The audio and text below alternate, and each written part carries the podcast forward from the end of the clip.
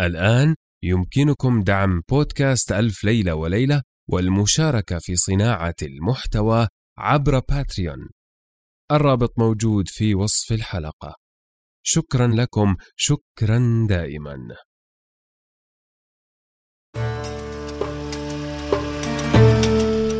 كان يا مكان في قديم الزمان وسالف العصر والأوان ملك يدعى شهريار يحب الاستماع لقصص الإنس والجان وكانت جاريته شهرزاد تقص عليه في كل ليلة قصة. هذا بودكاست ألف ليلة وليلة.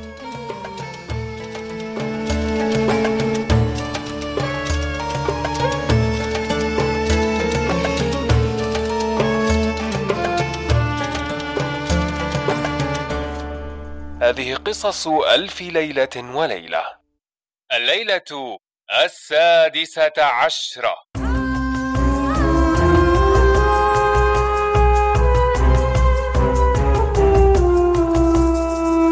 حكاية الحمال مع البنات.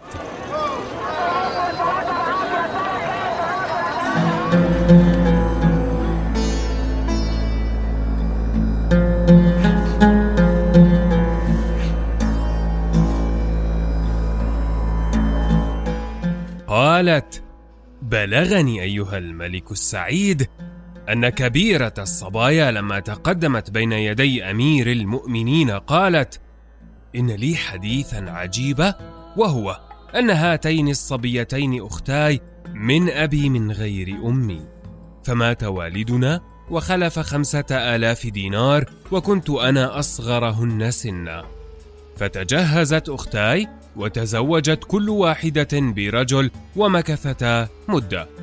ثم إن كل واحد من أزواجهما هيأ متجرا وأخذ من زوجته ألف دينار وسافرا مع بعضهما وتركاهما.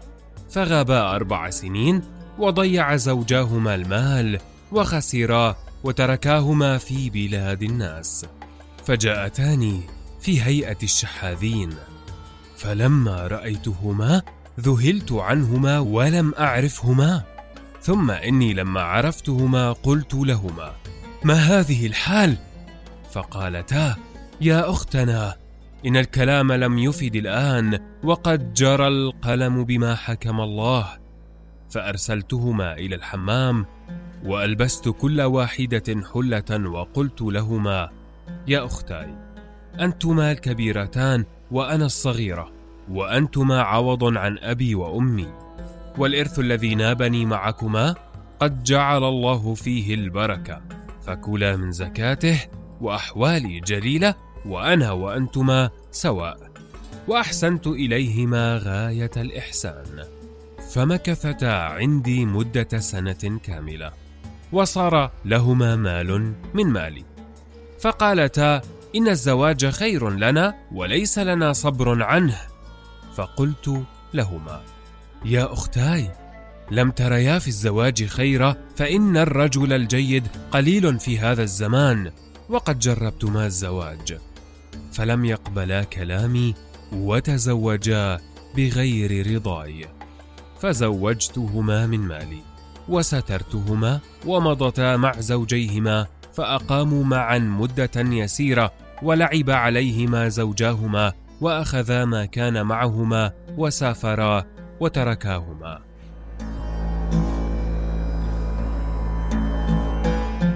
فجاءتا عندي وهما عريانتان واعتذرتا وقالتا لا تؤاخذينا فأنت أصغر منا سنا وأكمل عقلا وما بقينا نذكر الزواج أبدا. فقلت مرحبا بكما يا أختاي ما عندي أعز منكما. وقبلتهما وزدتهما إكراما. ولم نزل على هذه الحالة سنة كاملة. فأردت أن أجهز لي مركبا إلى البصرة. فجهزت مركبا كبيرة وحملت فيها البضائع والمتاجر وما أحتاج إليه في المركب.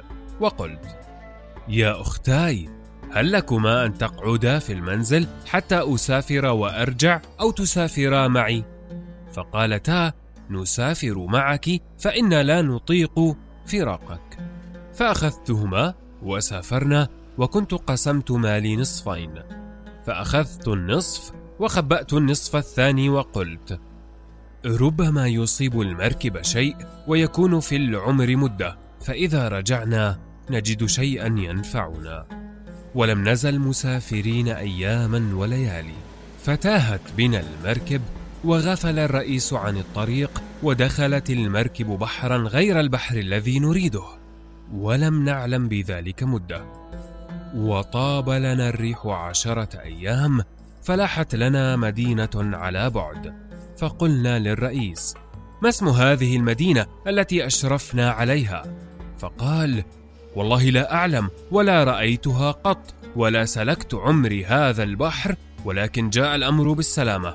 فما بقي إلا أن تدخلوا هذه المدينة وتخرجوا بضائعكم فإن حصل لكم بيع بيعوا وتصرفوا فيها وإن لم يحصل لكم بيع نرتاح يومين ونتزود ونسافر.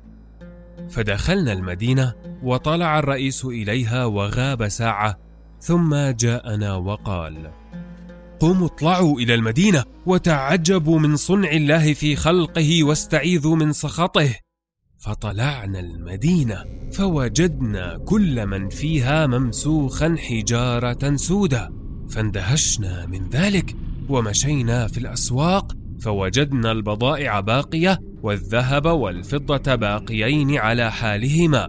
ففرحنا وقلنا لعل هذا يكون له أمر عجيب.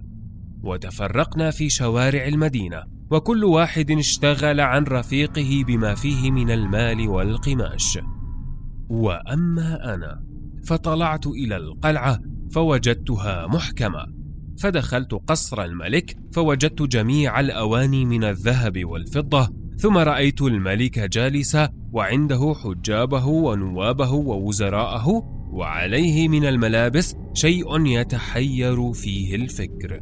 فلما قربت من الملك وجدته جالسا على كرسي مرصع بالدر والجوهر فيه كل درة تضيء كالنجمة وعليه حلة مزركشة بالذهب وواقفا حوله خمسون مملوكا لابسين أنواع الحرير وفي أيديهم السيوف مجردة. فلما نظرت لذلك دهش عقلي. ثم مشيت ودخلت قاعة الحريم فوجدت في حيطانها ستائر من الحرير ووجدت الملكه عليها حلة مزركشة باللؤلؤ الرطب وعلى رأسها تاج مكلل بأنواع الجواهر وفي عنقها قلائد وعقود وجميع ما عليها من الملبوس والمصاغ باق على حاله وهي ممسوخة حجرا أسودا.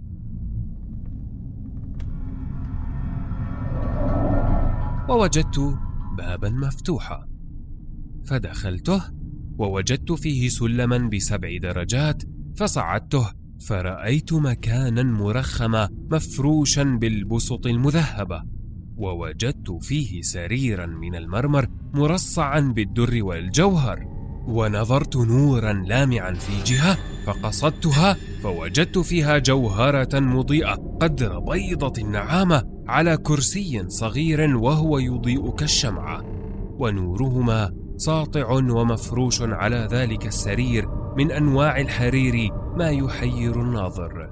فلما نظرت إلى ذلك تعجبت ورأيت في ذلك المكان شموعا موقدة فقلت في نفسي لا بد أن احدا أوقد هذه الشموع. ثم إني مشيت حتى دخلت موضعا غيره وصرت أفتش في الأماكن ونسيت نفسي مما أدهشني من التعجب من تلك الأحوال. واستغرق فكري إلى أن دخل الليل. فأردت الخروج فلم أعرف الباب وتهت عنه. فعدت إلى الجهة التي فيها الشموع الموقدة. وجلست على السرير وتغطيت بلحاف بعد أن قرأت شيئا من القرآن وأردت النوم فلم أستطع ولحقني القلق. فلما انتصف الليل سمعت تلاوة القرآن بصوت حسن رقيق فالتفت إلى مخدع فرأيت بابه مفتوحا. فدخلت الباب ونظرت المكان فإذا هو معبد وفيه قناديل معلقة موقدة وفيه سجادة مفروشة جالس عليها شاب حسن المنظر. فتعجبت كيف هو سالم دون أهل المدينة. فدخلت وسلمت عليه فرفع بصره ورد علي السلام. فقلت له أسألك بحق ما تتلوه من كتاب الله أن تجيبني عن سؤالي. فتبسم وقال أخبريني أنت عن سبب دخولك هذا المكان وأنا أخبرك بجواب ما تسأليني عنه. فأخبرته بخبري. فتعجب من ذلك. ثم إنني سألته عن هذه المدينة فقال أمهليني. ثم طبق المصحف وأدخله في كيس من الأطلس وأجلسني بجنبه فنظرت إليه. فإذا هو كالبدر حسن الأوصاف لين الأعطاف بهي المنظر رشيق القد أسيل الخد زهي الوجنات كأنه المقصود من هذه الأبيات. رصد المنجم ليله فبدا له. قد المليح يميس في برديه. وأمده زحل سواد ذوائب.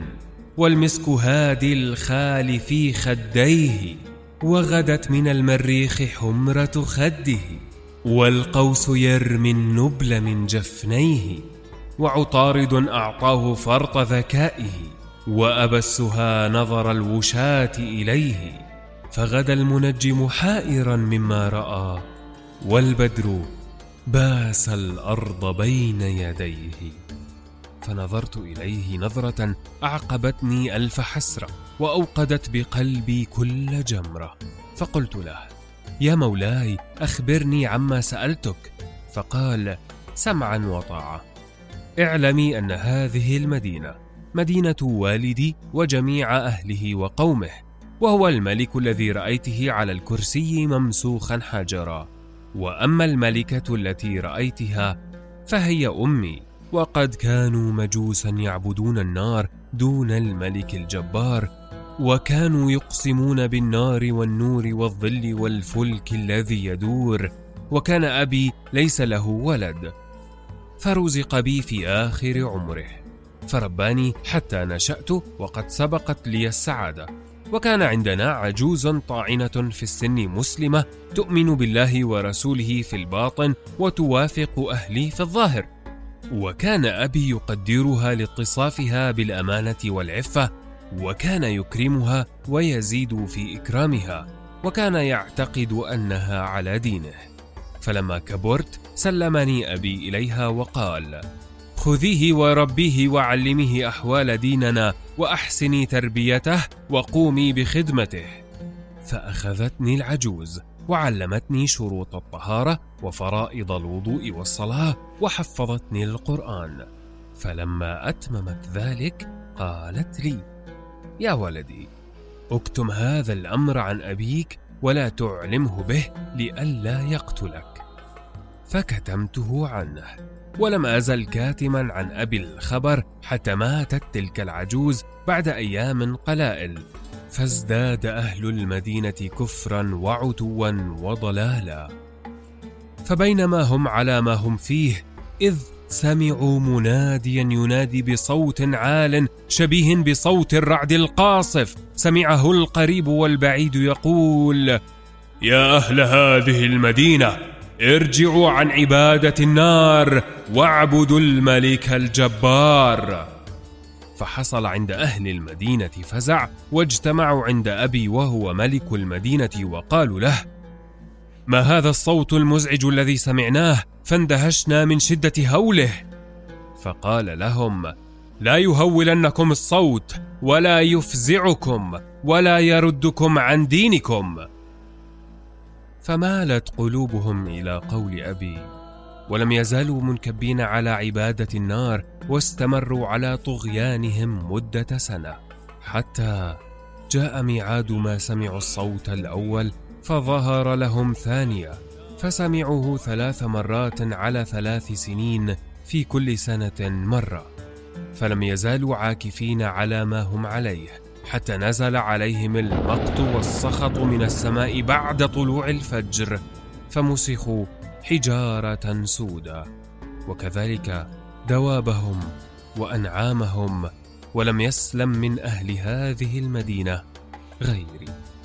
ومن ذلك اليوم وأنا على هذه الحالة في صلاة وصيام وتلاوة قرآن وقد سئمت من الوحدة وما عندي من يؤانسني.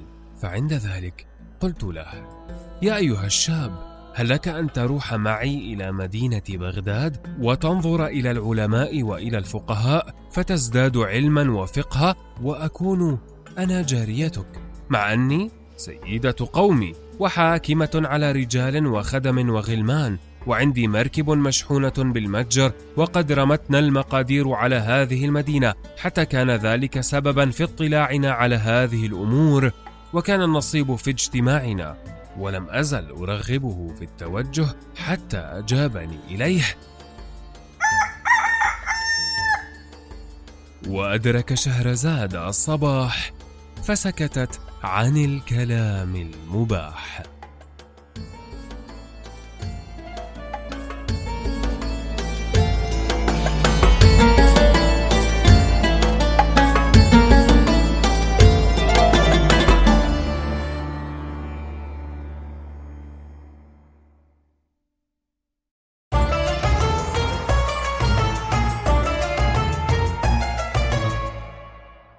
هذه قصص ألف ليلة وليلة.